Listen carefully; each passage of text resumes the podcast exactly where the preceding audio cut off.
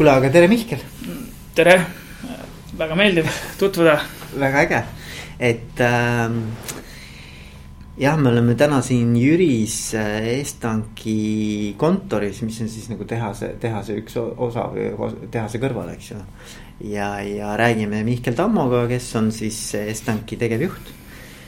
ja mul nagu tõesti siiralt hea meel, et sa selle aja võtsid, et sa minuga kohtusid ja räägid. Et äh, ma arvan, et noh, mis nagu paneb minu silma särama selle vestluse juures on pigem see, et äh, esiteks, et äh, sa oled pigem nagu siukse noorema põlvkonna juht. noh, et sa esindad nagu pigem siukest nagu nooremat generatsiooni, mis on äge. et noh, et kui ma vaatan ka sellist nagu laiemat pilti, et kes mul on käinud vestlustel, siis need on pigem ikkagi nagu noh mm -hmm., keskmine iga kindlasti vanem, eks ole mm. -hmm. et see on kindlasti põnev teine asi, et äh, tegemist ikkagi pereettevõtmisega, eks ole. et, et see on ka, ma arvan, sihukene noh, omamoodi annab sellise väikse sihukese maigu juurde sellele asjale, eks ju.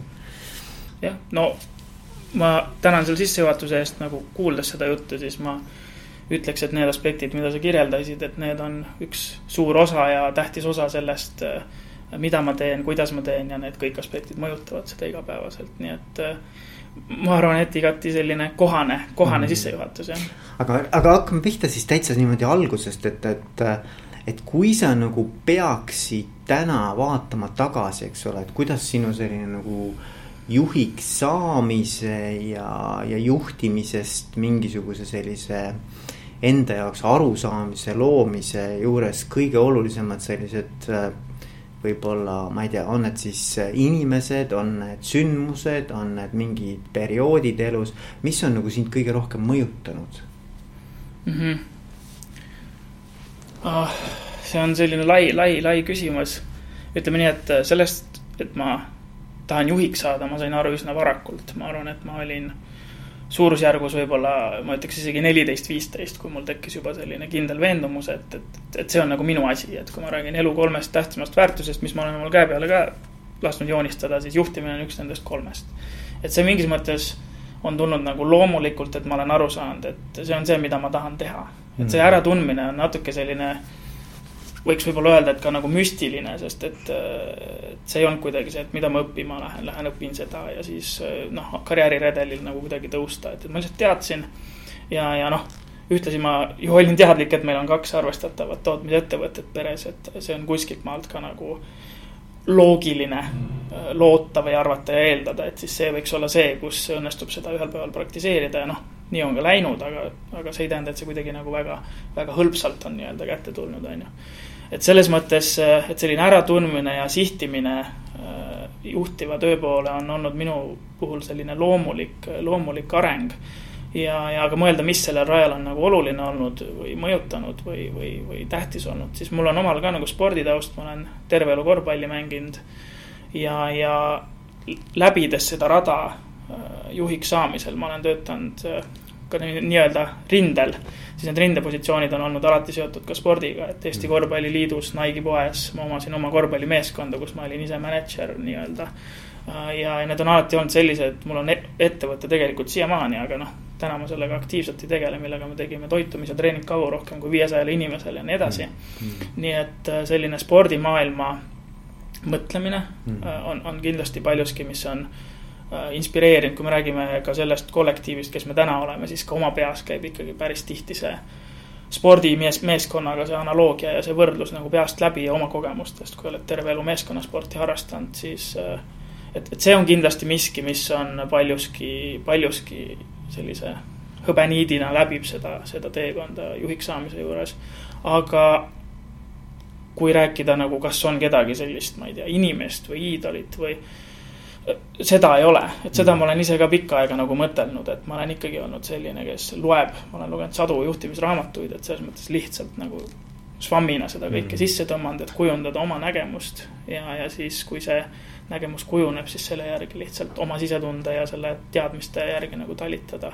ühel hetkel ma lihtsalt sain aru, et peaaegu ükskõik, mis ma teen, ma alati satun nagu juhtivale kohale millegipärast, sest inimesed ise ütlevad, et tema ja siis ma tihti ei karda ka seda vastutust võtta, nii et siis hakkasid ühel hetkel aru saama, et noh, väga paljudes teemades, milles sa osaled, sa kuidagi oled, pannakse sind juhiks, on ju. Mhm. et siis hakkas aru, hakkas, hakkasin aru saama, et näed, et et see kutsum, kutsumine, see ju suunab ka sinu teod ja mõtted ja, ja, ja, ja, ja otsused, nii et, et, et see hakkas ka realiseeruma ja, ja tänaseks ongi siis kolm pool aastat selle ettevõtte juhina on olnud siis äh, juba ma ütleks selline etapp, kus ma nagu saan oma mõtteid avaldada, rääkida, see on nagu piisavalt suur organisatsioon, et, et see, see ei ole enam see, et ma proovin kuskil oma ettevõttes mingeid asju teha, vaid noh, sellel on suur mõju äh, mitmesajale inimesele, on ju, et, et, et siin saad ju ta juba jagada ja, ja, ja nagu see väljendub, see oskus juhina väljendub ikkagi igapäevaselt selle ettevõtte argipäevas ja lõpuks tulemustes mm.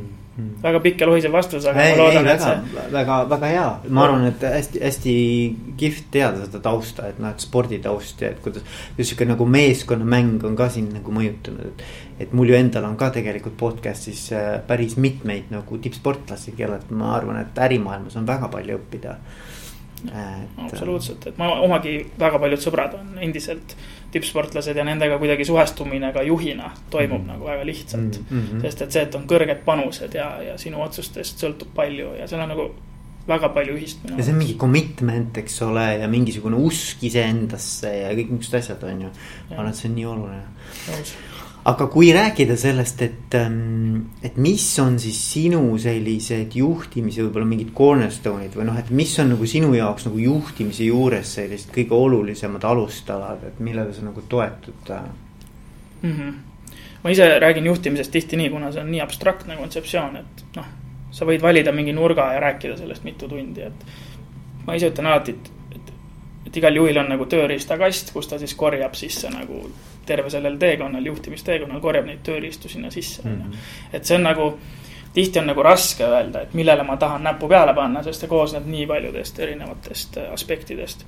aga, aga no ometigi, äh, ometigi need asjad on olemas, et äh, kui me räägime nagu lihtsalt, et milline juht ma olen, siis esimesena on, ma olen müügi-turunduse orienteeritud juht kindlasti, arendustegevuse ja personali, et ma ise toon alati need valdkonnad välja, et need on nagu need, kus ma tean, et muidu on ju see, et tavaline klišee, et palka endast nagu targemad inimesed ja me üritame ka selles valdkonnas seda teha. Mm. aga seal ma tunnen, et ma saan anda nagu tõeliselt nagu panuse selle, selle arengu jaoks, sest see on nagu äh, minu selline äh, tugevus. Äh, aga, aga, aga muidugi rääkida, siis mina vaatan paljuski juhtimist läbi nagu inimeseks olemise, et meie lause, meie ettevõtte personali äh, poliitikat kirjeldav lause on see, et, et selle ülesanne on rikastada nende inimeste elusid, kes meil siin tööl käivad.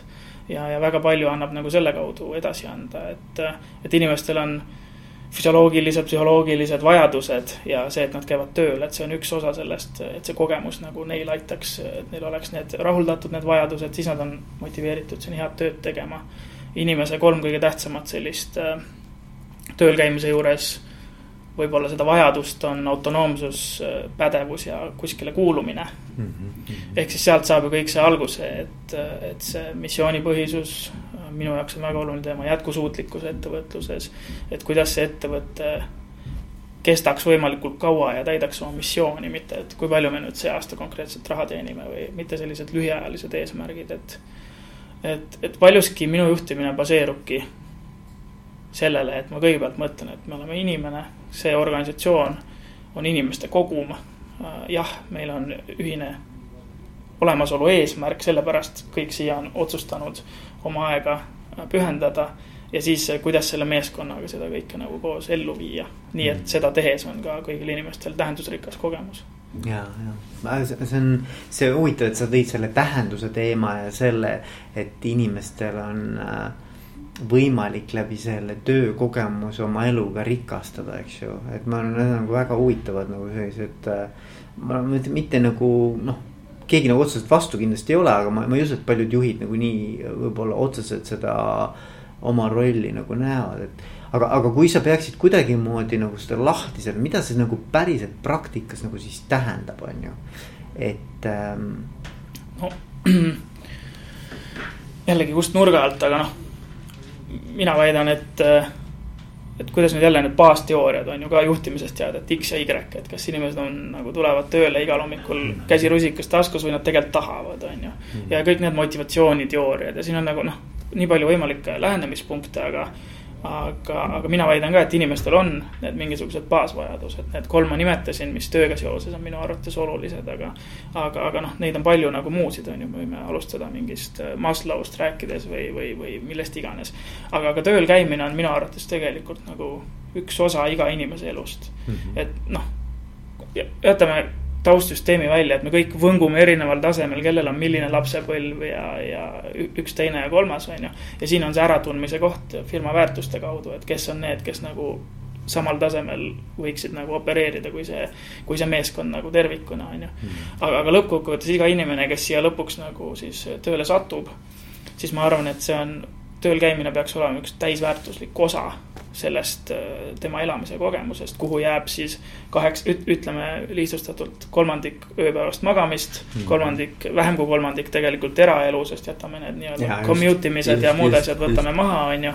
ja, ja üks kolmandik siis nagu töö tegemist, et siis mm -hmm. see on ju, ütleme, ütleme siis pool ärkveloleku ajast, on ju. ja kui sa seda tehes nagu tunned, et et selle eesmärk on raha teenida või, või lihtsalt nagu hakkama saada selleks, et äh, elada sellist ühiskonna mutrikese elu ja käia üks või kaks korda aastas puhkusel ja maksta oma järeltulijate koolimakse ja, ja, ja, ja kui see on nagu kõik, mis see on, siis ma arvan, et, et, et see ei vii edasi. Mm.. et, et mina leian, et see kogemus peakski olema, et inimesed tööl käies äh, tunnevad, et nende nii-öelda need psühholoogilised vajadused nagu saavad rahuldatud, nad tunnevad seda tähendust, see võib tähendada palju asju, et neid usaldatakse. seesama autonoomsuse teema, et noh, keegi ei vaata kella, millal sa tuled, millal sa lähed. me oleme siin üle minemas, ma arvan, ühe esimesena, esimese tööstusettevõttena, kui mitte üldse esimesena Eestis ka juhtide vabale süsteemile, sest me samamoodi ütleme, et. et see nagu on oma ära elanud loogika on ju ja see ei rikasta inimeste elusid nii palju, et kui sa oled üks kuskil seal osakonnas mingit tööd tegev inimene, siis tegelikult sinu roll on täpselt sama oluline, kui on sinu juhi roll, on ju. temal on lihtsalt nagu natuke teine, teine suund on ju, teine, teine eesmärk on ju. Mhm. et selles mõttes, et, äh, et võib-olla kõlab liiga keeruliselt, aga, aga lõppkokkuvõttes on see, et, et kui inimene tuleb siia, et.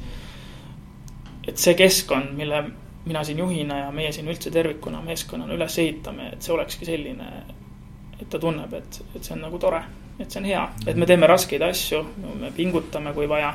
aga kui teinekord on vaja, siis me koos lõbutseme, me võtame kergemalt, alati ei pea äh, ninast veri väljas pingutama, et, et see ongi selline inimeseks olemise iseärasustega arvestamine. ja, ja siis sealjuures nagu selle kogemuse suunamine nende asjade poole, mis inimestele loovad rahulolu loovad tähendusrikkust ja loovad ka seda, et nad tahaks edaspidi veel ja veel nagu siin meeskonnas olla ja panustada oma, oma, oma tegevuse kaudu hmm.. nii huvitav, et sa ütlesid, vaata mul jäi kõrva nagu see juhtideta organisatsioon või kuidas seda siis nimetada, bossless organization või mm. -hmm. et, et ähm, vaata pro-ekspert äh, on ka sellel mm -hmm. teel, noh, nad on päris pikalt olnud selle, sellel teel juba, eks ju. ja ja siis ma tean, et käis siin Eestis esinemas äh, ühe siukse tootmisettevõtte äh, juht Californiast, see on Morning Star. ma ei tea, kas sa mhm. oled lugenud nende kohta tomateid ja mis asju need seal. ma olen näitena neid kuulnud. ja, ja, ja no ma käisin isegi sellel seminaril ise ka, see oli väga huvitav. et, äh, et ma arvan, et see on nagu väga põnev, et nagu, et, et et okei okay,, et, et ma arvan, et siiamaani võib-olla inimesed on mõelnud, et äh, okei okay,, et need agiilsed äh, siis nii-öelda tarkvaraarendusettevõtted, et võib-olla seal on see nagu võimalik, eks ole.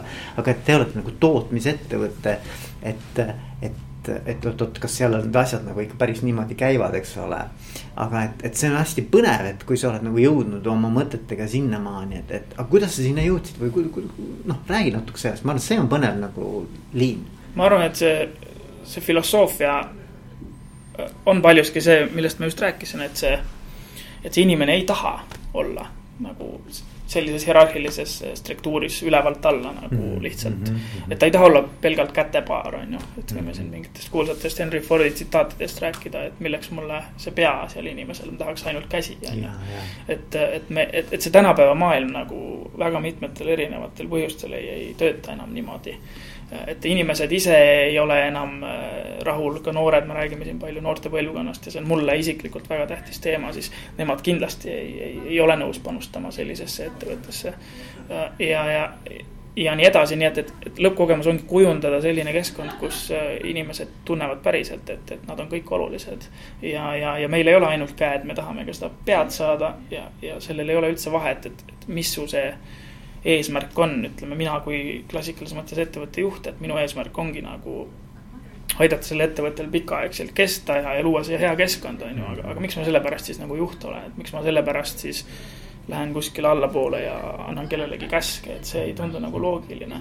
et ikkagi see, et kõik saavad äh, ennast väljendada mugavalt, äh, teades, et sellele tuleb reaktsioon, see ei pruugi alati olla nagu mm. tagantkiitev, aga, aga, aga see on selline normaalne sotsiaalne kogukond, mis meil siin on, nii-öelda mikrokosmos ja, ja, ja, ja, ja selle lõpp, ikkagi see narratiiv on see, et neid eesmärke koos nagu ellu viia, mis meil on, on ju. Mhm. et luuagi selline, selline pinnas lihtsalt, kust pealt on äh, hea eesmärke saavutada. ja ma arvan, et see juhtide vaba lahendus ongi just äh, kõige õigem. et see on lihtsalt äh, iganenud mudel, kuidas organisatsioone juhtida, see hierarhiline struktuur, et, et tänapäeva muutuvas keskkonnas, kus on väga palju volatiilsust, ebakindlust ja, ja, ja kõike muid.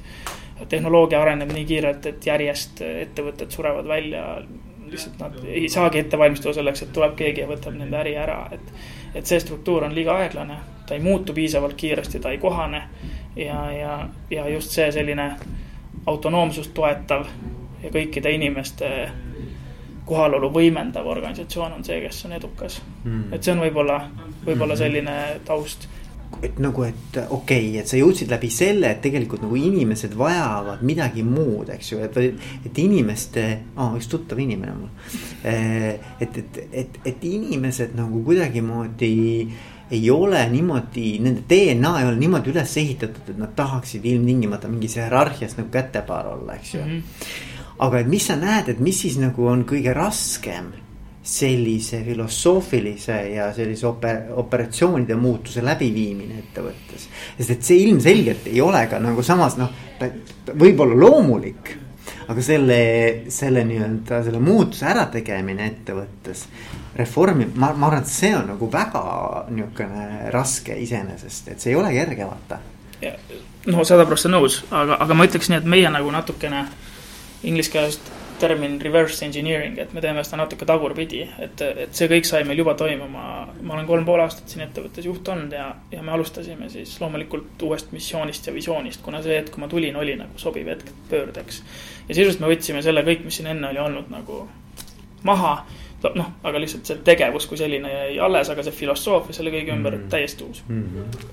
ja, ja sellega me rääkisime tükk aega sellest missioonipõhisusest ja, ja kõigest sellest ja siis me panime sinna juurde need väärtused ja kõik need väärtused, mis meil on, me nagu päris praktikas äh, kontrollime, meil on, meil on iga aasta aastaväärtus, mille ümber meil on erinevad kampaaniad, äh, koolitused, kõik muud asjad. et rääkida nendest teemadest sisuliselt. Äh, ja, ja, ja missioonipäev ja, ja palju muid teemasid, mis me teeme siis kõige selle käigus me juba tegelikult lõime sellist kultuuri siia ettevõttesse, mis tegelikult nagu toetas, toetabki sellist juhtidevaba organisatsiooni.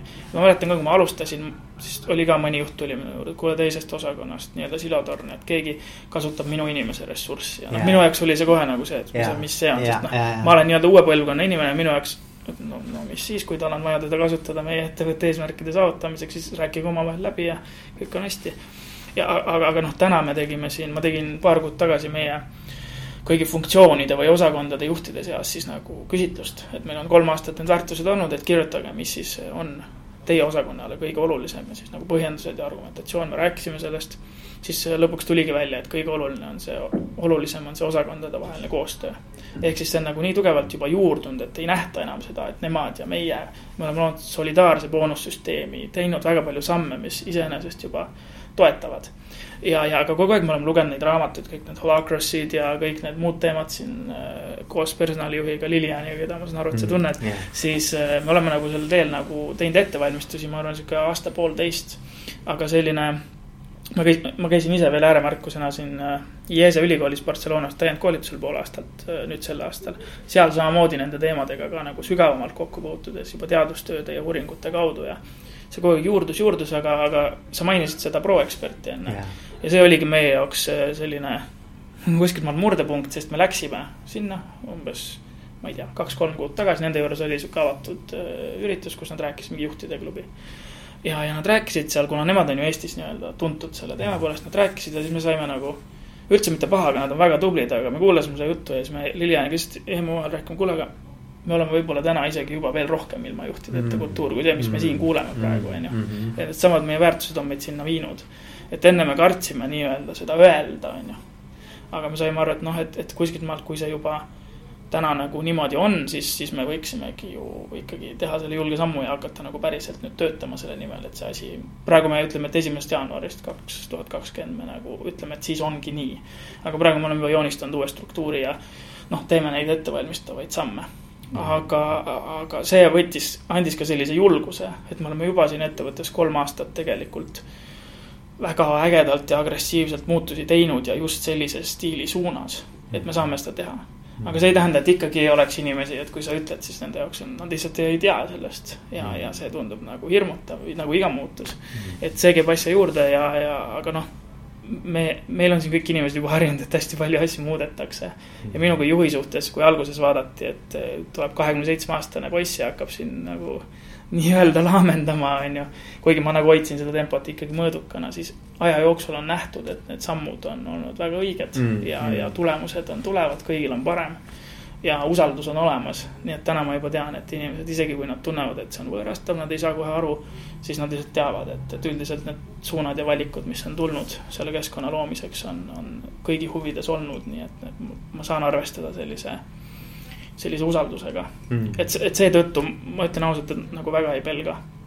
kindlasti see toob kaasa väljakutseid, aga, aga see on osa, osa juhtimisest. Mm. aga mis sa täna, mis te täna juba, sa nimetasid mingisugust palgasüsteemi, mingi solida-, kuidas sa nimetasid, meil on solidaarne tulemustasude süsteem see tähendab? seda, et meil on tootmistöötajad, kontoritöötajad ja noh, me veel eraldame täna veel sihukest juhtkonnataset, siit oleme siiani eraldanud. siis see valem, kuidas kõik saavad neid tulemustasusid, on ühtne, et kui ma siia tulin, siis olid nagu müügimeestel on omad mingid teemad, projektijuhtidel on omad mingid teemad, väga paljudel ei olnud meil üldse siin midagi, noh nagu paljudes Eesti ettevõtetes, kus ei ole aru saadud, et, et mi- mis positiivset mõju selline nagu boonustasu nagu omab, on ju. Ja, ja mina mõtlesin ka, et, et noh, et, et kui me loome mingit moodi osakonniti seda, et siis ju see tekitab just seda eraldatust ja seda tunnelivisiooni, et igaüks keskendub sellele oma eesmärgile. et meil samamoodi see juba ongi nagu lähtub sellest, et, et see on meie kõigi, et see, see kõigil ühtemoodi arvestus lihtsalt nagu kasumi, kasumi, puhaskasumi baasilt. okei Ja- ja et see on see- üks eesmärk nagu ettevõtte peale, mis annab tegelikult siis nagu üldse sellise lävendi, et kust, kust me hakkame nagu Mm. edasi nagu. see on niimoodi, et meil on, me ju nõukogu ka ees nii-öelda kinnitame aasta siis nii-öelda saja protsendi nagu eesmärgi. Jah, ja me oleme nüüd seda küll iga aasta ületanud päris pikasti, aga see aasta, mis on nagu tore. aga ma ei ütleks, et need on nagu madalad eesmärgid olnud, et paneme selle mis iganes argumenteeritud eesmärgi paika ja siis tegelikult see väljamaksmine hakkab meil juba viiekümne protsendi pealt Okei. ja, ja, ja lihtsalt see läheb kiirenevas tempos, et Mhm. sajast protsendist ületades kasvab siis veel kiiremini see nii-öelda Jah. boonus, mida inimesed saavad ja põhimõtteliselt lage seal ei ole. noh, see, et piirangud tulevad nagu elust enesest nagu kuskilt maalt ette, aga aga, aga noh, sel aastal, kui eelmine aasta meie käive oli kaheksateist miljonit, siis sel aastal tuleb ilmselt kolmkümmend on ju, nii et mis on nagu ühe tootmise ühe tootmisettevõtte jaoks paljud ei usu isegi seda, et kuidas. et, et noh, paljuski ma leian, et, et see on ka siin kuskilt natukene peidus. aga see on lihtsalt üks, üks lüli, ma leian, see motiveerimise, see on see external või see väli, välimine nii-öelda motivaator, osa nii-öelda hügieeni, hügieeni tasemest, aga noh, see peab loomulikult ka olemas olema. Ma leian, ma leian, ilma ka ei saa.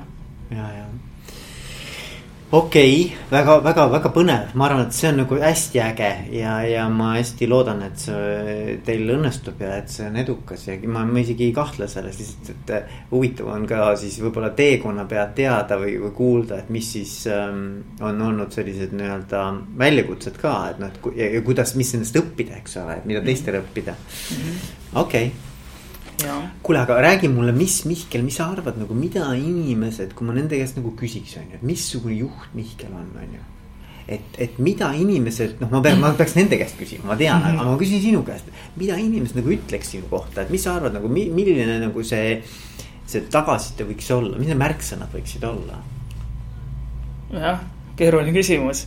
esiteks sellepärast, et selle arvamusega võib eksida, aga ja, ja, ja, ja teiseks mõeldes selle mina pildi peale, siis et ma ütlen ausalt, ma ei ole selline inimene, kes on kindlasti nagu ainult äh, lilled ja roosivesi, et äh, et aga noh, võib-olla hea näide, millest kinni hakata, on sealsamas Hispaanias koolis käies oli meil ka kolmsada kuuskümmend kraadi äh, nii-öelda uuring.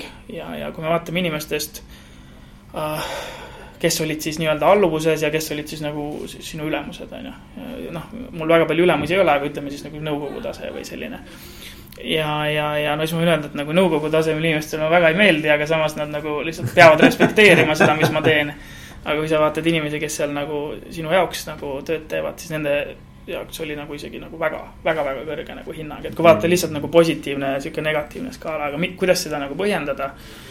On paljuski, ma arvan, ikkagi väga suur selline põhimõttekindlus.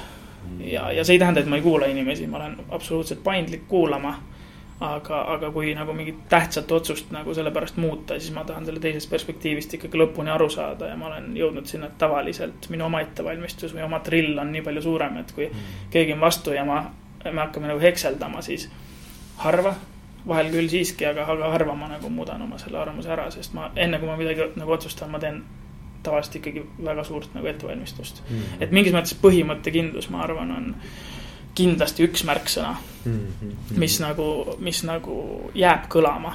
et mhm. see on ka selline teema, kui nõukogust rääkides, siis tihti nagu äh, on erinevad nagu agendad, aga, aga mul on nagu väga keeruline peale suruda midagi, millesse ma ise nagu ei usu. et siis ma lihtsalt, ma ei ole ka see, et ütlen, et jah, ja siis teen teistmoodi, ma lihtsalt ütlen ei lihtsalt, et, et see ei ole see, kuidas me peame nagu edasi minema. Et kindlasti põhimõttekindlus äh,.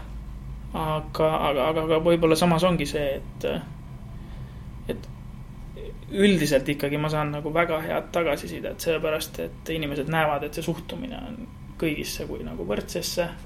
kõigil on õige, nagu ma ütleksin isegi kuskilt maalt, et see siin on meil palju rohkem sõpruskond, kes meil siin koos käib. Mis on võib-olla nüüd liiga tugev termin, aga, aga, aga täitsa julgen seda kasutada mm. -hmm. et, et see on nagu hoopis teistmoodi kollektiiv, nad näevad, et neid austatakse, see on oluline, mis nad arvavad kõik on oodatud, neil teemadel argumenteeritakse, debateeritakse, võetakse koos vastu otsuseid ja, ja, ja nii edasi, nii et, et see selline sõbralikkuse nagu määratlus kindlasti käib siin, käib siin ka juures. et ma ei tea, nii on nagu jube raske, ma ütlen ausalt, ma ei ole selle peale nagu liiga palju mõtelnud mm. -hmm. aga ma olen ka selline juht, juht, kes kindlasti nagu nui neljaks ei otsi mingit konsensust Mm. aga kindlasti ei ole ka see juht, kes teeb üksi otsuseid mm. -hmm. et, et see on võib-olla selline määratlus, ma arvan, et üks juhi nagu väga suur äh, selline vastutuse allikas ongi see, et, et ta peab ära kuulama kõik, ta peab sellest tervikpildi kokku panema, aga siis ta peab ikkagi otsuse langetama mm. -hmm. ja ta ei saa nagu alati mõelda seda, et, et kui ma otsustan nii, siis aga nemad ju tunnevad, et ma ei teinud nii, nagu nemad tahtsid, et ikkagi juhil ongi see vastutus võtta neid otsuseid vastu. ja kas sul on ka mõned teemad, vaata see on hästi huvitav, ma olen, ma olen sellel teemal ka rääkinud, et otsuste vastuvõtmine. et mõned teemad, mis on noh, ilmselgelt nagu ma tahan ise olla seal nagu kättpidi sees ja tahan nagu noh, nii-öelda olla selle vankri eestvedaja. ja on mingid teemad, mis sa ütledki, et noh, et see on nagu pigem ma annaks nagu meeskonnale võimaluse nagu otsustada. Et, et kas sa ka nagu kuidagimoodi nagu neid asju natukene vaatad nagu erinevalt, et olenevalt teemast või, või? absoluutselt, selles mõttes sada protsenti, et, et noh, ma alguses, alguses juba mainisin mingeid oma, oma nii-öelda teemasid, et aga need on ka teemad, kus ma ise panustan just, rohkem, et olla just. nendes pädev, on ju. et siia võib veel juurde lisada nagu sihuke change management ja selline disainmõtlemine ja sellised tänapäeva nii-öelda võib võib-olla modernsed äh, juhtimise valdkonnad, aga, aga kus ma tõesti nagu panustan, et ma oleksingi pädev. Mhm. aga on väga palju valdkondi, kus noh, ma ütlen, et samamoodi kui me räägime, et me oleme tootmisettevõte, siis tootmisalased küsimused, jah, mul on täna juba ekspertiisi tänu kogemustele aga seal ma lähen väga harva nagu mm. kellestki mm. nagu üle sõitma, et mm. ma tahan, et siin oleks need inimesed, kes nagu ja, on selles kõige ja, paremad.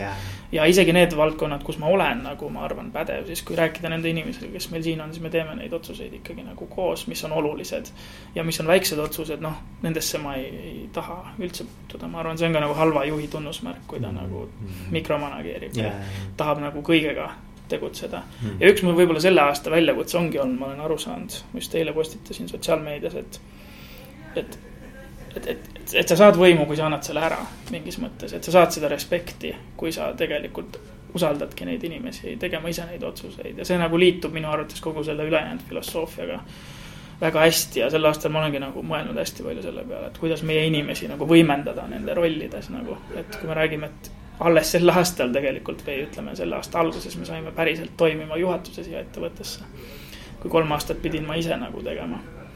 siis me võtsime ka ühe sõbra nagu, võtsin siia finantsjuhiks, kes on minu vanune, et meie juhatus ongi kolmkümmend üks, kolmkümmend üks ja kolmkümmend neli, mis nagu on väga noor sellise meie, meie laadi ettevõtte jaoks.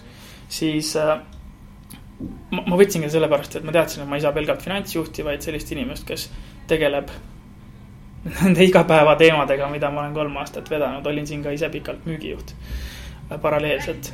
ja ma ütlesin, ma tahan kedagi, kes tegeleb inglise keeles brutal reality. et ma olen seda teinud, ma tahan nüüd teha seda, mida juht nagu päriselt peab tegema, et keskenduda visioonile mm., suurtele ideele, strateegia valdkonnas, personal. Äh, et, et need, et mis ei ole nagu niivõrd igapäeva nende, kuidas nüüd öelda, struggle inglise keeles, igapäeva selliste probleemidega nagu, nagu seotud. noh, mulle, mulle meeldib mõelda ka nii, et, et see on nagu mingi igapäeva, nagu et sääsed, mida sa pead nagu tapma, vaata mm. -hmm. et see on nagu kogu aeg, et üks lendab ära, siis teine on jääb peal, vaata, et see on niisugune nagu noh, nagu mõnes mõttes niisugune endless virvarr, et mis, mis nagu tõmbab sind nagu sellisest pikaajalisest nagu arendustegevusest eemale, sest sa pead seda operatiivselt kogu aeg tegelema just ja, ja selle me olemegi tänaseks saanud väga hästi toimima mm. -hmm. ja mul see, mina ütleks talle, et igas ettevõttes peaks olema kaks nii-öelda klassikalises mõttes CEO-d mm. -hmm. et üks on mänedžer, teine liider on ju mm. -hmm. ja ma usungi sellesse, et me oleme selle hästi toimima saanud, et Priit, mu sõber, tegeleb selle igapäevase manageerimisega ja kui ilmub mõni suur sääsk siis olen ikkagi mina see, kes nagu peabki võtma selle. selle parmu lööd ära. parmu pean mina ära lööma jah, et, et, et see ei tähenda seda, et sa siis hoidud üldse nagu yeah, probleemidest, see ei ole üldse yeah, selle asja mõte ei yeah. ole see aga, aga lõppkokkuvõttes iga su otsus, mis sa panustad strateegia nagu elluviimisesse või veelgi enam selle nagu arendamisesse, millegi mm. uuele tasemele mm. viimisesse, ma väidan, on nii palju väärtuslikum. et, et seda aega peab olema ja kui sa lõpuks käid ja ajad neid noh, nagu sa ütlesid, sääski tagasi, siis, siis sa lihtsalt seda ei tee, on ju. Mm. aga noh, see näide oli ka sellest, et see meeskond on meil, see on minu jaoks võib-olla hästi tähtis meeskond, sest nemad on minu jaoks siin ettevõttes nii-öelda nagu tänases vaates veel nagu äh, samal, samal levelil. ja, ja selle meeskonna täpselt samamoodi. kõik alati tahavad alguses rääkida, et kellele mis vastutused jäävad ja kõik sihukest asja, aga me nagu seda ei tee, et me võtame seda nagu lihtsalt nagu äh, loogiliselt, me saame ise aru, kes mille eest vastutab, on ju. Mhm. ja, ja nii ta ongi kujunenud ja need asjad on nagu ikkagi väga konkreetselt nagu ära antud ja, ja need inimesed on sellega väga hästi vastu võtnud, neil on väga hea meel, et nad saavad selle usalduse. ja, ja siis, kui nagu ei oska lahendada, siis loomulikult tulevad ikkagi minu juurde mm. -hmm. et räägime koos läbi mm. -hmm. aga, aga ma ütlekski, et see meeskonna kaasatus on minu jaoks üks võtmeteema. ja kui vaadata meie nii-öelda tööga seotuse uuringuid, siis ka kolm aastat oleme teinud ja need on ka kõik olnud nagu, kuidas nüüd öelda ebanormaalselt nagu head tulemust, mis meil endal teeb head meelt, mm. sest inimesed ikkagi päriselt nagu saavad aru sellest või tajuvad seda, ma arvan mm. -hmm. jah aga mis, sa ütlesid ka, et, et sulle meeldiks tegeleda sellise noh, pikaajaliste sihukeste arendustegevuste visiooniga. ja, ja mul, mulle hästi nagu kohe meenus näiteks, et ma kuulasin ühte Jeff Bezose ühte intervjuud ja Ehm, Amazon, Amazonist, eks ole, ja. Ja, ja tema ütles no hästi pullilt, ma hakkasin nii mõtlema selle peale, ta ütles, et, et tema ja tema meeskond. noh, ilmselt ta mõtles siis mingit käputäit inimest mm, -hmm. kes tal ümber on, eks ole. et tema nagu tahab, et kogu see seltskond mõtleks nagu kolm aastat ette. et nagu, et need otsused, mida täna teevad, need mõjutavad tegelikult tulemusi, mis tulevad kolme aasta pärast ja, ja et, et kogu see nii-öelda selline noh, igapäevane selline operatiivne juhtimine, see, see käib nagu noh, nagu te, teises kohas, eks ole.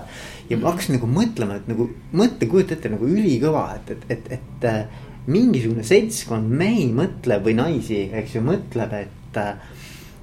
et kuidas me kolme aasta pärast teeksime selle tulemuse ära mm. -hmm. või et kuidas me jõuaksime sinna kolme aasta pärast, et, et ma just tahtsin nagu küsida, et kas sul on ka mingisugune nägemus, et kuhu sa tahad viia nagu seda ettevõtet, et. et, et mis see visioon sinu jaoks on, see ei pea olema üldse nagu mingisugune väga detailne kirjeldus.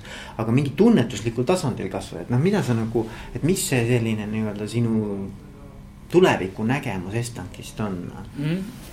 jah uh,, no see ongi see, milleks ma tunnen, et ma olen palju nagu ehitanud seda organisatsiooni üles, et ma jõuaksin sinna et ma saan nende asjade peale mõelda. ja, ja mul on nagu hea meel just nagu viimased selline siis pool aastat umbes ma tunnen, et see, et, et see nii on. et ma paljuski ütlengi, et, et, et meil praegune strateegia on paigas aastani kakskümmend kaks. me õppisime seda ise meeskonnaga koos tegema, tegime selle nullist valmis, et see ei ole mingi konsulta-, konsultantide abiga tehtud toode, millesse ma nagu väga ei usu. et me tegime selle ise valmis, panime paika, me kõik usume sellesse, see on nii-öelda päris asi. aga ma ütlesin, et minu toode, minu töö on täna mõelda nagu nii-öelda järgmise juba selle strateegiaperioodi peale on ju, noh, see, see on nagu selles mõttes näiline, et noh, see.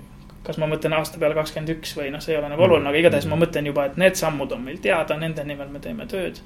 mina pean mõtlema nende sammude peale, äh, mille peale keegi teine täna veel ei mõtle, on ju. Mm. et selles mõttes väga, väga nagu hea küsimus ja, ja, ja ma olen nagu tundnud sellist sisemist äh, tõmmet selle sellise nagu sellist viisi töötamise poole viimane võib-olla poolteist aastat. ja ma julgen öelda, et umbes pool aastat ma nagu saan niimoodi mõelda mm.. ja, ja, ja kui rääkida, mis meil täna on ettevõtte missioon, siis mina arvan, et see jääb nagu väga pikaks ajaks pädema. see on siis äh, valmistada protsessitehnikat, mis aitab kaasa maailma jätkusuutlikumaks muutmisele et üks teema, mida me ei ole veel käsitlenud, võib-olla käsitleme, on see jätkusuutlikkuse teema. aga, aga selle, selles seisneb meie ettevõtte missioon ja see on minu arust kindel Äh, meie ettevõtte visioon on pakkuda ületamatu tasemega tootmisteenust. et me ütleme, et me oleme teenusettevõte, mitte tootmisettevõte, mis on ka üsna, üsna revolutsiooniline selline lüke olnud meie poolt. Mm.. et need on nagu täna kaks sellist lauset, mis ma näen, et need on meie nii-öelda majaka, majakalambid, et, et, et nende järgi me ikkagi toimetame. Mm.. ja, ja kui rääkida, mida see nagu praktiliselt tähendab, siis noh kui me räägime Eestist, siis me oleme olnud olemas Eesti taasiseseisvumise algusest. nagu on ka väga palju teisi ettevõtteid yeah,. Yeah. ja see nii-öelda arengukõver ongi täpselt kuskil sealmaal väga paljude ettevõtete jaoks, et äh, nad kas müüakse kuskile välismaale edasi, sest omal nagu põlvkond on läinud. tihtipeale uut, uut ei ole äh, võtta ja, ja ei osata midagi enam peale hakata, kui sa oled kogu aeg olnud allhanke, nagu ka meie ajalooliselt allhanke tehas, siis äh, kuidas sa nüüd ühtäkki teed selle suure hüppe, et sa jõuad uue kvaliteedini mingite oma toodete või, või millegi selliseni, on ju. Äh, et siis, äh, et meie nagu mõtleme paljuski, et me peame need hüpped tegema, me oleme selles maas, et selle arengujärguga me oleme ka sellisel seisul, et nii edasi areneda ei ole enam liiga palju mõtet, et mm. kuskilt maalt ka meie kulutase on juba nii kõrge, et, et seda nagu õigustada, me peame pakkuma midagi veel enamat, kui meil nagu täna on. ja üks asi on see hea positsioneering ja, ja mis me teeme, et täna me üritame ennast positsioneerida jätkusuutlikkusega seotud turgudele. et need turud, mis tekivad maailmas tänu kliimamuutustele äh, ja, ja, ja uutele regulatsioonidele, maailma muutuvatele väärtustele, et me tahame olla nendel turgudel nii-öelda prototüüpijad, tehnoloogiapartnerid arendada välja oma tooteid koos võib-olla meie klientidega. et ma tingimata ei mõtle ka, et kui meie kliendid on siin maailma suurimad ettevõtted üldse kümnete tuhande töötajatega, siis see on ka natuke naiivne tihti arvata, et me nüüd nagu mõtleme selle välja, mille kallal neil töötab seal täna juba mingi mm -hmm. mitu tuhat inimest, et me teeme siin oma mm -hmm. äh, kümne inimesega. oma RD nii-öelda. teeme, noh mm -hmm., oma RD sellele vaatamata on üks minu järgmise aasta agendas olev asi mm, -hmm. et nagu päriselt võtta mm -hmm. sinna kaks inimest ja hakata mm, -hmm. meil on ideesid, mis on ka realistlikud meie jaoks ära teha mm. -hmm. aga noh, ega meie oma klientide saabastesse nagu noh, naljalt ei hüppa, et nendega koos teha. et selle, et selles mõttes jah, et, et, et ma näengi, et meil on nagu selline, on olnud väga järsku mäest ronimist, aga nüüd on vaja hakata nagu kaljuronimist tegema selles mõttes. ja, ja ma näengi, et minu töö ongi nagu välja mõelda need, need vastused.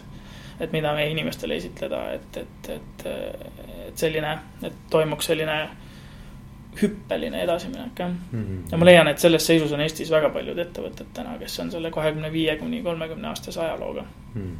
-hmm. jah, et see, et, et kui nüüd selle küsimuse, ma jällegi sa küsid huvitavaid asju, et see ongi, et ma saan sisemonoloogi pidada siin. aga see, aga see ongi selle asja point, ma arvan, ma arvan, et, et üks asi muide, Mihkel, ma nagu siin umbes niimoodi kõrvalkommentaarina. et, et kui ma olen küsinud näiteks oma vestluskaaslaste käest, et et mis on see väärtus, mida nemad sellest saavad, eks ju, et nad vestlevad et siis, eh, mis, mis üks asi, mis nad välja on toonud, on see, et, et vaata, et, et need kõik küsimused nagu mõnes mõttes nagu mul läbi käidud või nagu, et ma, ma nagu, nagu tegelikult olen ju nagu mõelnud nende asjade peale. aga et nüüd ma pean nagu selle kuidagimoodi nagu panema nagu, nagu sõnadesse või et ma pean kuidagi selle nagu vormistama ära, et siis ma, mul tekib endal ka mingi suurem selgus, vaata mm. -hmm. et see on nagu mõnes mõttes sellise selguse loomine iseendale ka läbi selle, et sa räägidki seda lahti, vaata mm. -hmm jah, jah, ja mul see sisemonoloog on kogu aeg nagu olemas. aga mul tihti on see küsimus, et kas nagu, et, et kuidas teised inimesed sellest nagu aru saavad, sest igaühe situatsioon on ja, natuke teine, on ju. aga siiski samas sa elus koged, et need äratundmised on inimestel olemas, sest üks asi veel, mida võib juhtimisest ja üldse rääkida, siis äh, minul hakkas siis nagu läks palju kergemaks, kui ma sain aru, et absoluutselt iga organisatsioon on nii-öelda süsteem, et see süsteemi teooria on ju. oma sisendi ja väljendiga, et ja. vahet ei ole, see on tootmisettevõte või juuksurisalong või ükskõik, mis sa teed, et kas see on kasvõi vann, et keerad kraani lahti ja äravoolust läheb nagu vesi ära, et kui sa nagu paned sellesse keelde, siis sa saad aru, et absoluutselt kõik juhtimise küsimused on universaalsed, sa lihtsalt nagu, võib-olla see süsteemi komplekssus on erinev, aga kui sa selles loogikas mõtled, siis kõik läks nagu jube palju lihtsamaks. et selles mõttes ma väidan, et ka see juhtimise teema on ikkagi päris palju, päris palju on ta ikkagi ka universaalne teema. ja kui sa korjadki oma sinna kasti sisse neid tööriistasid kogu aeg juurde, siis Äh, siis, et sa nagu rikastad seda, saad selles järjest paremaks ka, nii et ikkagi see on ka õpitav. muidugi, äh, muidugi. ja mulle meeldib süsteemiteooria selles vaatevinklis, et ta et noh, et kui sa mõtled nagu, et kuidas nagu midagi nagu muuta, näiteks, et sa tahad mingit muutust ellu kutsuda, siis ükskõik millise süsteemi osas sa mingisuguse muutuse ellu kutsuda, tead, et see mõjutab kõiki teisi süsteemi osi samamoodi. et see on nagu minu arust ka väga, väga kihvt nagu mõtteviis, et, et ähm, et noh, et nagu hästi palju on olnud nagu eh, sellist äh,, mitte hästi palju, no on olnud sellist mõtteviisi, et, et juhid mõtlevad, et ma, ma ootan oma inimestelt, noh, ma ei tea, suuremat initsiatiivikust või ma tahan, võtaks seda rohkem vastutust, ma tahan seda ja seda ja kolmandat, on ju mm. -hmm. ja siis nagu kõlab nagu niimoodi, et noh, et, et, et tehke mu inimesed korda, noh, saad aru nagu mõnes mõttes, eks ju aga, aga see arusaamine hakkab tegelikult pihta sellest, et mina pean ise juhina muutuma noh, nii-öelda ühe süsteemi osana. sest et, et muidu on niimoodi, et mina ju ise ju ka tingin kuidagimoodi oma käitumisega. et seesama seltskond, seesama keskkond, seesama nii-öelda käitumisviis ikka jätkub on ju, et, et see on nagu täitsa paradoksaalne, eks ole, et, et midagi ei saa muutuda, kui mina ei muuda oma käitumist ka. et siis nagu tegelikult me lõpuks jõuame ikkagi sinna, et juht saab aru, et okei okay,, aa, näed. et minu mõju sellele olukorrale on see, eks ju, et kuidas mina nagu tegelikult iseenda käitumisega taastoodan sedasama asja, mida ma tegelikult ei taha mm. -hmm. et see on pull nagu. ma võingi tuua siia nagu ma arvan, üsna hea näite, et, et, et minu jaoks oli nagu kohe arusaam, et et juba enne, kui ma üldse süsteemi teooriaga tutvusin, et, et, et iga, meil peab tekkima üldse ülevaade, et mis asi me sihuke oleme, on ju. ja, ja mina olen jah, selline, ütleme, leadership poole kaldu nagu juht, aga ma pidin ikka hambad ristis, me tegime siin ettevõttes üle aasta ja äh, protsesside kaardistamise projekti, on ju, ja meil on nüüd täna protsessimaastikud, kõik osakonnast saad sisse minna viimse detailini, kuidas miski asi käib, on ju. siis äh, me oleme mõelnud, et see peab saama, just nimelt see süsteem peab saama tagasisidestavaks ja ennast automaatselt parendavaks. ehk siis ikkagi nagu need aspektid, et inimesed hakkavad andma neid mittevastavusi, tagasisideid probleemide, muude asjade kohta, meil on inimene, kes selle, kes nii-öelda aitab ka nagu lükata, et seda andmeid tuleks sisse. meil on projekti kokkuvõtted ja tootmisest saame ja, ja siis me analüüsime, meil on juht, nii-öelda juhtmeeskonnas äh, prioriteedid, me parandame, et sa kogu aeg seda ringi nii-öelda teed nagu paremini toimivaks, on ju. ongi nagu süsteem, aga et see üles ehitada et sellest, sellest ei saa kunagi piisama, kui, isegi kui sa juhina, sellest muidugi ma olen nõus, saab kõik alguse. aga isegi kui sa juhina saad paljudest asjadest aru, siis sa pead ikkagi ehitama üles ka mingisuguse konstruktsiooni, millele see nagu rajaneb mm. -hmm. ja, kui sul on need protsessid ja, ja meil on siin infosüsteem, kuhu me oleme väga palju investeerinud äh,, ligi miljoni, ma arvan, kus me oleme võtnud endale tööle Eesti paremad nagu IT-programmeerijad selles ERP-i valdkonnas, on ju. Mm. et sul on see nii-öelda kese, kuhu seda informatsiooni talletada, kust seda välja tagasi kuvada. Mm, sul on see parendusettepanekute nii-öelda süsteem ja, ja, ja kõik muu, et, et sa pead ikkagi, et, et minu arust väga paljudel juhtidel jääb ka sellest puudu, et nad sellise universaalse süsteemi suudaksid üles ehitada mm,. Mm. ja, ja, ja see ei ole, ma ütlen ausalt, selline ala, millega mulle meeldiks tegeleda. aga ma lihtsalt teadsin, et see peab olema, sest yeah. muidu ettevõte yeah. jääbki selliseks, et ja kõige olulisem on kõik, see kultuuri ülesehitamine mm. Mhm. -hmm. aga kui sa sinna peale ei ehita seda, seda layer'it nii-öelda kihti mm, -hmm. süsteemsuse kihti mm, -hmm. siis ka ei saa nagu lõpuks mm -hmm. nagu -hmm. nii-öelda õnn õuele ei tule. et see on ka üks oluline, oluline faktor kindlasti mm, -hmm. mida ma näen tihti, et nagu ala, alavääristatakse võib-olla. ja, ja nõus, no ma arvan, et mida ütleme, et kui, kui ma vaatan neid startup'e näiteks või neid idufirmasid, kes siis nii-öelda kasvavad, eks ju. noh, ühest tootest või teenusest päris ettevõtteks, eks mm. -hmm. et siis ma arvan, täpselt need nii-öelda kasvuraskused seal ongi, millest sina praegu nagu rääkisid, et kõik need, et tekiks mingisugune protsesside mingisugune kvaliteet, mingisugune selline arusaamine süsteemsusest, struktuurist. Noh, ühesõnaga tekib mingisugune selline päris asi valmis, vaata. et see ei ole enam sihuke nagu põlve otsas, vaata sihuke nagu siin garaažis kokku panime midagi, vaid et noh, et, et mm. tegelikult on nagu päris, päris asi, on ju. No. et ähm.... aga neid nii-öelda kihte jällegi seal juhtimises on nii palju, et see on ainult üks, on ju. Mhm. ja siis sul ongi see kultuur, siis sul on operation excellence on ju, kuidas sa igapäevaselt toimid, on ju, et, et. et tegelikult, et üles ehitada hästi toimiv organisatsioon, on vaja väga palju, väga palju asju hästi teha, ma väidan, et me rääkisime juba sellest arendustegevusest ja, ja strateegia kokkupanekust ja, ja et neid nagu kihte on hästi palju mm., ma arvan. kuule, aga ütle, kas on midagi, mida ma ei ole küsinud sinu käest, aga sa tahaksid nagu ise veel nagu rõhutada või, või välja tuua. noh, üks asi, mida sa siin natukene nagu niimoodi kraapisid nagu oli, oli see jätkusuutlikkus, eks ju. et, et ma ei tea, kas see on see näiteks, mida sa tahaksid veel natukene lahti rääkida? võib-olla kaks teemat, äh, et äh, millest ma tegelikult olen kolm aastat rääkinud, ilma millest rääkimata ma nagu noh, ei saa. ei saa, et üks on see jätkusuutlikkus, aga võib-olla ma veel enne alustaksin nagu teisest teemast. et öö, äh, oma nagu sellest hetkest, kui ma sain juhiks, ma olen tundnud ka sellist tõmmet oma vabatahtlikkuse nii-öelda panuse poole pealt nagu hariduse ja uue põlvkonna ja, ja, ja selle teema poole. ja see on ka võib-olla sissejuhatus, juhatus sellesse jätkusuutlikkuse temaatikasse, et, et tänu sellele ma täna äh, olen RAM kooli vanematekogu liige, kus ma olen ise vilistlane äh,. TTÜ Majandusteaduskonna strateegianõukoja liige värskelt äh,. Eesti Pereettevõtjate Liidu uue põlvkonna tööjuht on ju, et ma olen ennast ka nagu sidunud kuidagi need võimalused on ka minuni tulnud, aga nagu tahtlikult ja teadlikult sidunud, et. et ma väidan, et äh, kui rääkida alguses haridusest kiiresti, siis ma väidan, et ikkagi, kui sa juhina nagu saad hästi palju praktikast seda reaalsuse tagasisidet, ma kutsun seda. et sul võivad olla idealistlikud eesmärgid ja sa võid teada, mis sa teha tahad, aga no lõpuks sõltub sellest grupi dünaamikast ja kõigest, kõigest, et kui palju sul on siin neid inimesi, kes neid väärtusi jagavad ja ja, ja siis sa pead neid vahetama ja meeskonda arendama ja siis läheb mõni hea inimene ära, ühesõnaga nii palju neid määramatusi ja selliseid asju, mis ei sõltu sinust, on ju, et isegi kui sina tead. Et siis tegelikult on vaja, et kõik teaksid. Yeah. või et nagu paljud teaksid. Yeah.. ja, ja, ja kui sa selleni jõuad, siis tahes-tahtmata sa hakkad ühel hetkel aru saama, et miks tegelikult haridus on kõige tähtsam teema, millest nagu noh nagu võib-olla liialdus, aga, aga, aga üks tähtsamaid teemasid, millest äh, nagu pihta hakata. -hmm. et tuleks välja nagu nii palju neid inimesi, kes oleksid teadlikud nendest iseendast kõigepealt, mida ma arvan, meie haridussüsteem väga hästi täna ei suuda teha, et inimesed teavad, mida mõelda, aga mitte kuidas mõelda ja, ja, ja nii edasi, nii edasi, need klišeed et, et sellepärast olen ma ka proovinud ennast siduda nagu haridusvaldkonnaga, milleks mul ei ole nagu pädevust, ma ise käin alati uhkusega ja räägin, et mul on lõpetamata bakalaureus, bakalaureus TTÜ ülikoolis rahvamajandusest, et mul nagu kunagi ei meeldinud see ja siis ma teadsin, et see haridus, mis ma sealt saan, ei ole see, mida ma vajan. samas ma läksin sinna selle järgi, et ma ikkagi sain mingisugust kirjaoskust, on ju. Äh, aga, aga püüdes ikkagi aidata kaasa sellele, anda oma panus, et see haridus, mis tulevikus vaja on, et, et, et seda õigesse suunda nagu, nagu aidata natukenegi nagu lükata nendes kogukondades, kus mul see võimalus on ja. ja ma näengi täna, kuidas samamoodi seal Rocca al Mare koolis me mõtleme selle peale, et kuidas neid tulevikukangelasi siis nagu äh, kooli abil, koolikeskkonnaga nagu luua, on ju, seal on palju segadust, sest see maailm on nii suures muutuses, on ju.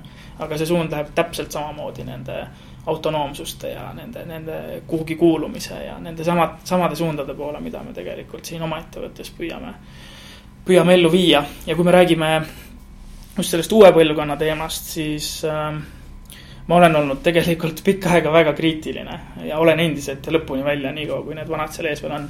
et, et ma väidan, et iga uus põlvkond on nagu uus tase, sellepärast et ta sünnib mingite uute tehnoloogiate, ta lihtsalt opereerib kõrgemal tasemel kui eelnev, ma väidan, et see on peaaegu mingisugune füüsikaseadus. Mm.. ja, ja, ja seda mõeldes, kui vaadata näiteks Eestit võttes praegu, aga ma arvan, see on tegelikult maailmas ka laiemalt, siis on just väga palju neid, kes on need firmad asutanud siin need kakskümmend viis aastat tagasi, aga ei saa aru, et ammu oleks aeg nagu omanikutulu nautida võib-olla ja anda see asi noortele, sest nemad ei oska enam nagu sellega nagu kooskõlas olla, mis toimub. Et, et see on nagu minu üks isiklik missioon, mida ma ei jäta kuskil mainimata, ma arvan, et ei taha ka seda praegu teha, et et on aeg ja, ja teada on, et siin on ka paratamatus mängus, et need inimesed, paljud kes ei anna üle nagu noh, kui muu ei vii, siis kirst ikka viib, et yeah.. et see on ka nagu, nagu fakt on ju, et need inimesed täna ongi tõesti paljud sellised seitsekümmend, kes ikka veel juhivad firmasid, aga, aga tegelikult nagu.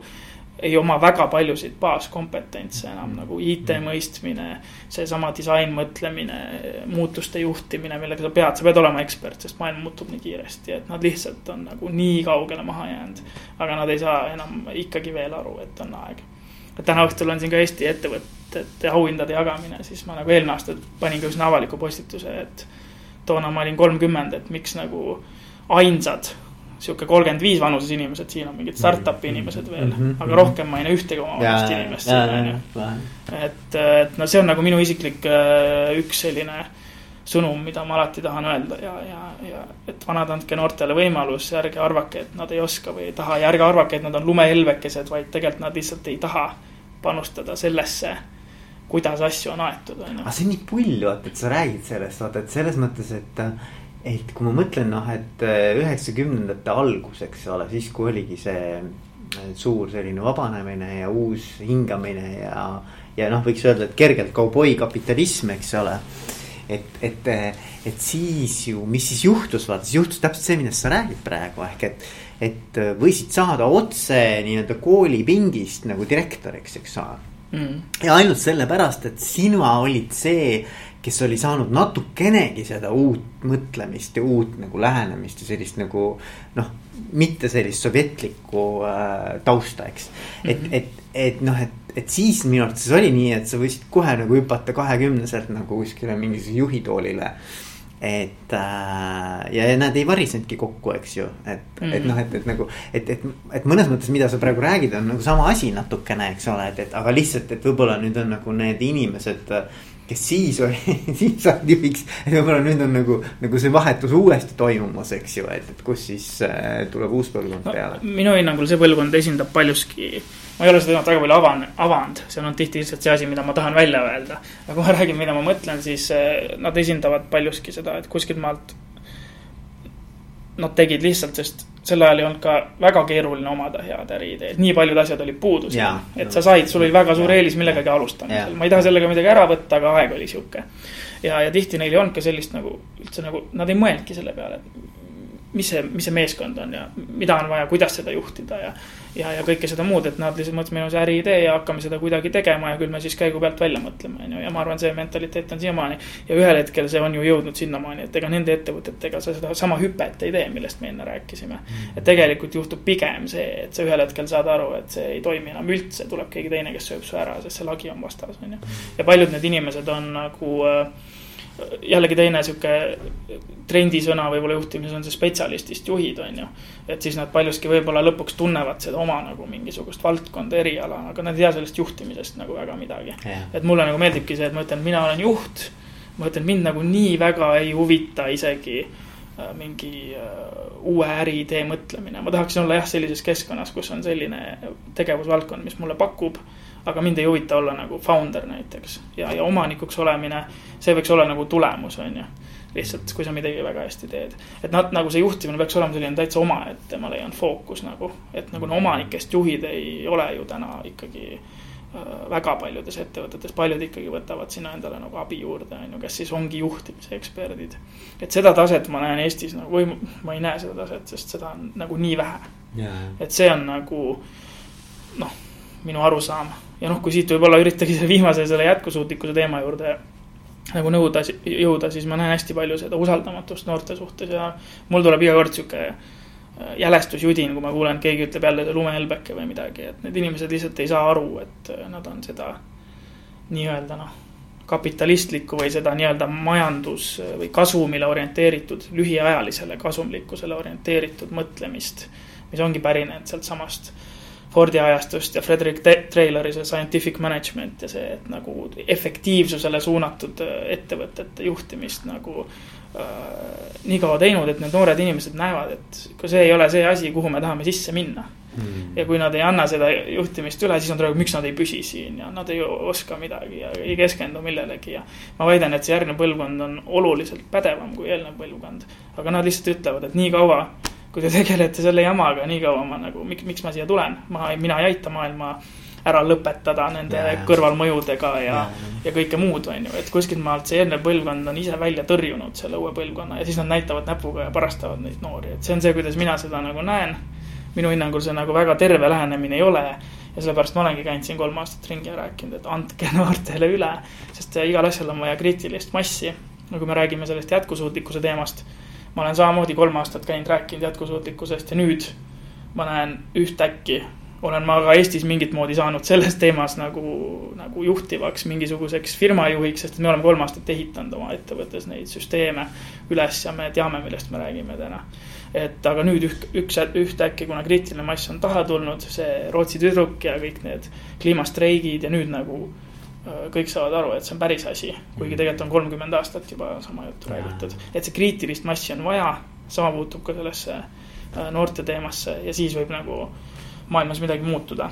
ja, ja aga jätkusuutlikkuse teema kohta tahaks öelda ka nagu seda, et äh,, et samas, kui see uus põlvkond võtab üle, siis nende jaoks on selge et iga ettevõtte eesmärk on, on maksimeerida oma seda missiooni ja püsimajäämist ja teha seda arvestades äh, kõigepealt elukeskkonnaga, siis sotsiaalse keskkonnaga ja alles siis hakata rääkima majandus, majandusest, on ju. Hmm. ja praegult on see ju seesama järjekord nii-öelda tagurpidi, on ju. ja, ja, ja ma olen ka tükk aega rääkinud, et see hakkab muutuma siis, kui ettevõtted hakkavad aru saama et nende lõppkliendid ja tarbijad lihtsalt ei tarbi ja osta enam nende käest, kui nad ei respekteeri seda korda mm.. ja ma arvan, et me oleme jõudnud väga lähedale sellele ajale, sest nüüd on juba see, et sa iga päev loed eh, lehest ja, ja ma ütlengi, et kui ühtäkki saad aru, et see, mis sa räägid, hakkab inimesi huvitama Nad saavad aru, et, et see on nagu päriselt oluliseks muutumus. ja, ja, ja, ja nii edasi, nii et see, see teema on nüüd sealmaal, kus need ettevõtted kes ei ole sellega üldse tegelenud, on juba, ma väidan, nagu halval positsioonil. ja need, kes on, siis nemad saavad selle arvelt, ma arvan, nagu kõvasti tõusu teha. ja, ja see on võib-olla selline ärifilosoofiline teema, aga, aga juhina ma arvan ka, et väga paljud juhid ei, ei mõista seda teemat, isegi ei usu seda teemat. ja võib-olla paljud nendest nii kaua selleni välja, kuni nad lihtsalt saavad aru, et nende kliendid ongi ära kadunud, sest et nemad ei ole sellist teed käinud, ei ole investeerinud nendesse teemadesse ja, ja nendega ei soovita lihtsalt enam tegemist teha nagu hmm.. see on selline võib-olla siin juba tükk, tükk aega rääkinud, ma üritasin seda kuidagi kompaktselt ära pakkida, aga ma väidan, et kui sa jätkusuutlikkuse teemaga ei tegele, siis sind varsti ei ole olemas enam. kuule, aga ma arvan, et see on hea koht, kus tõmmata äh, nii-öelda lips peale ja öelda, et aitäh sulle, Mihkel. absoluutselt ja aitäh huvi tundmast ja minu lootus on, et äh, see jutt kellelegi korda läheb. kindlasti on siin ka palju sellist provokatiivset, mis paljude jaoks nagu alati, kui ma räägin, ma kuulen seda, et, et huvitavad mõtted, polegi nii mõelnud, et. et ma näen, et paljud ei osta seda ära, aga kui vähemalt mõni ostab, siis ma arvan, on, on hästi. ma arvan, see on väga äge, kuule mm, -hmm. edu. aitäh, suur aitäh.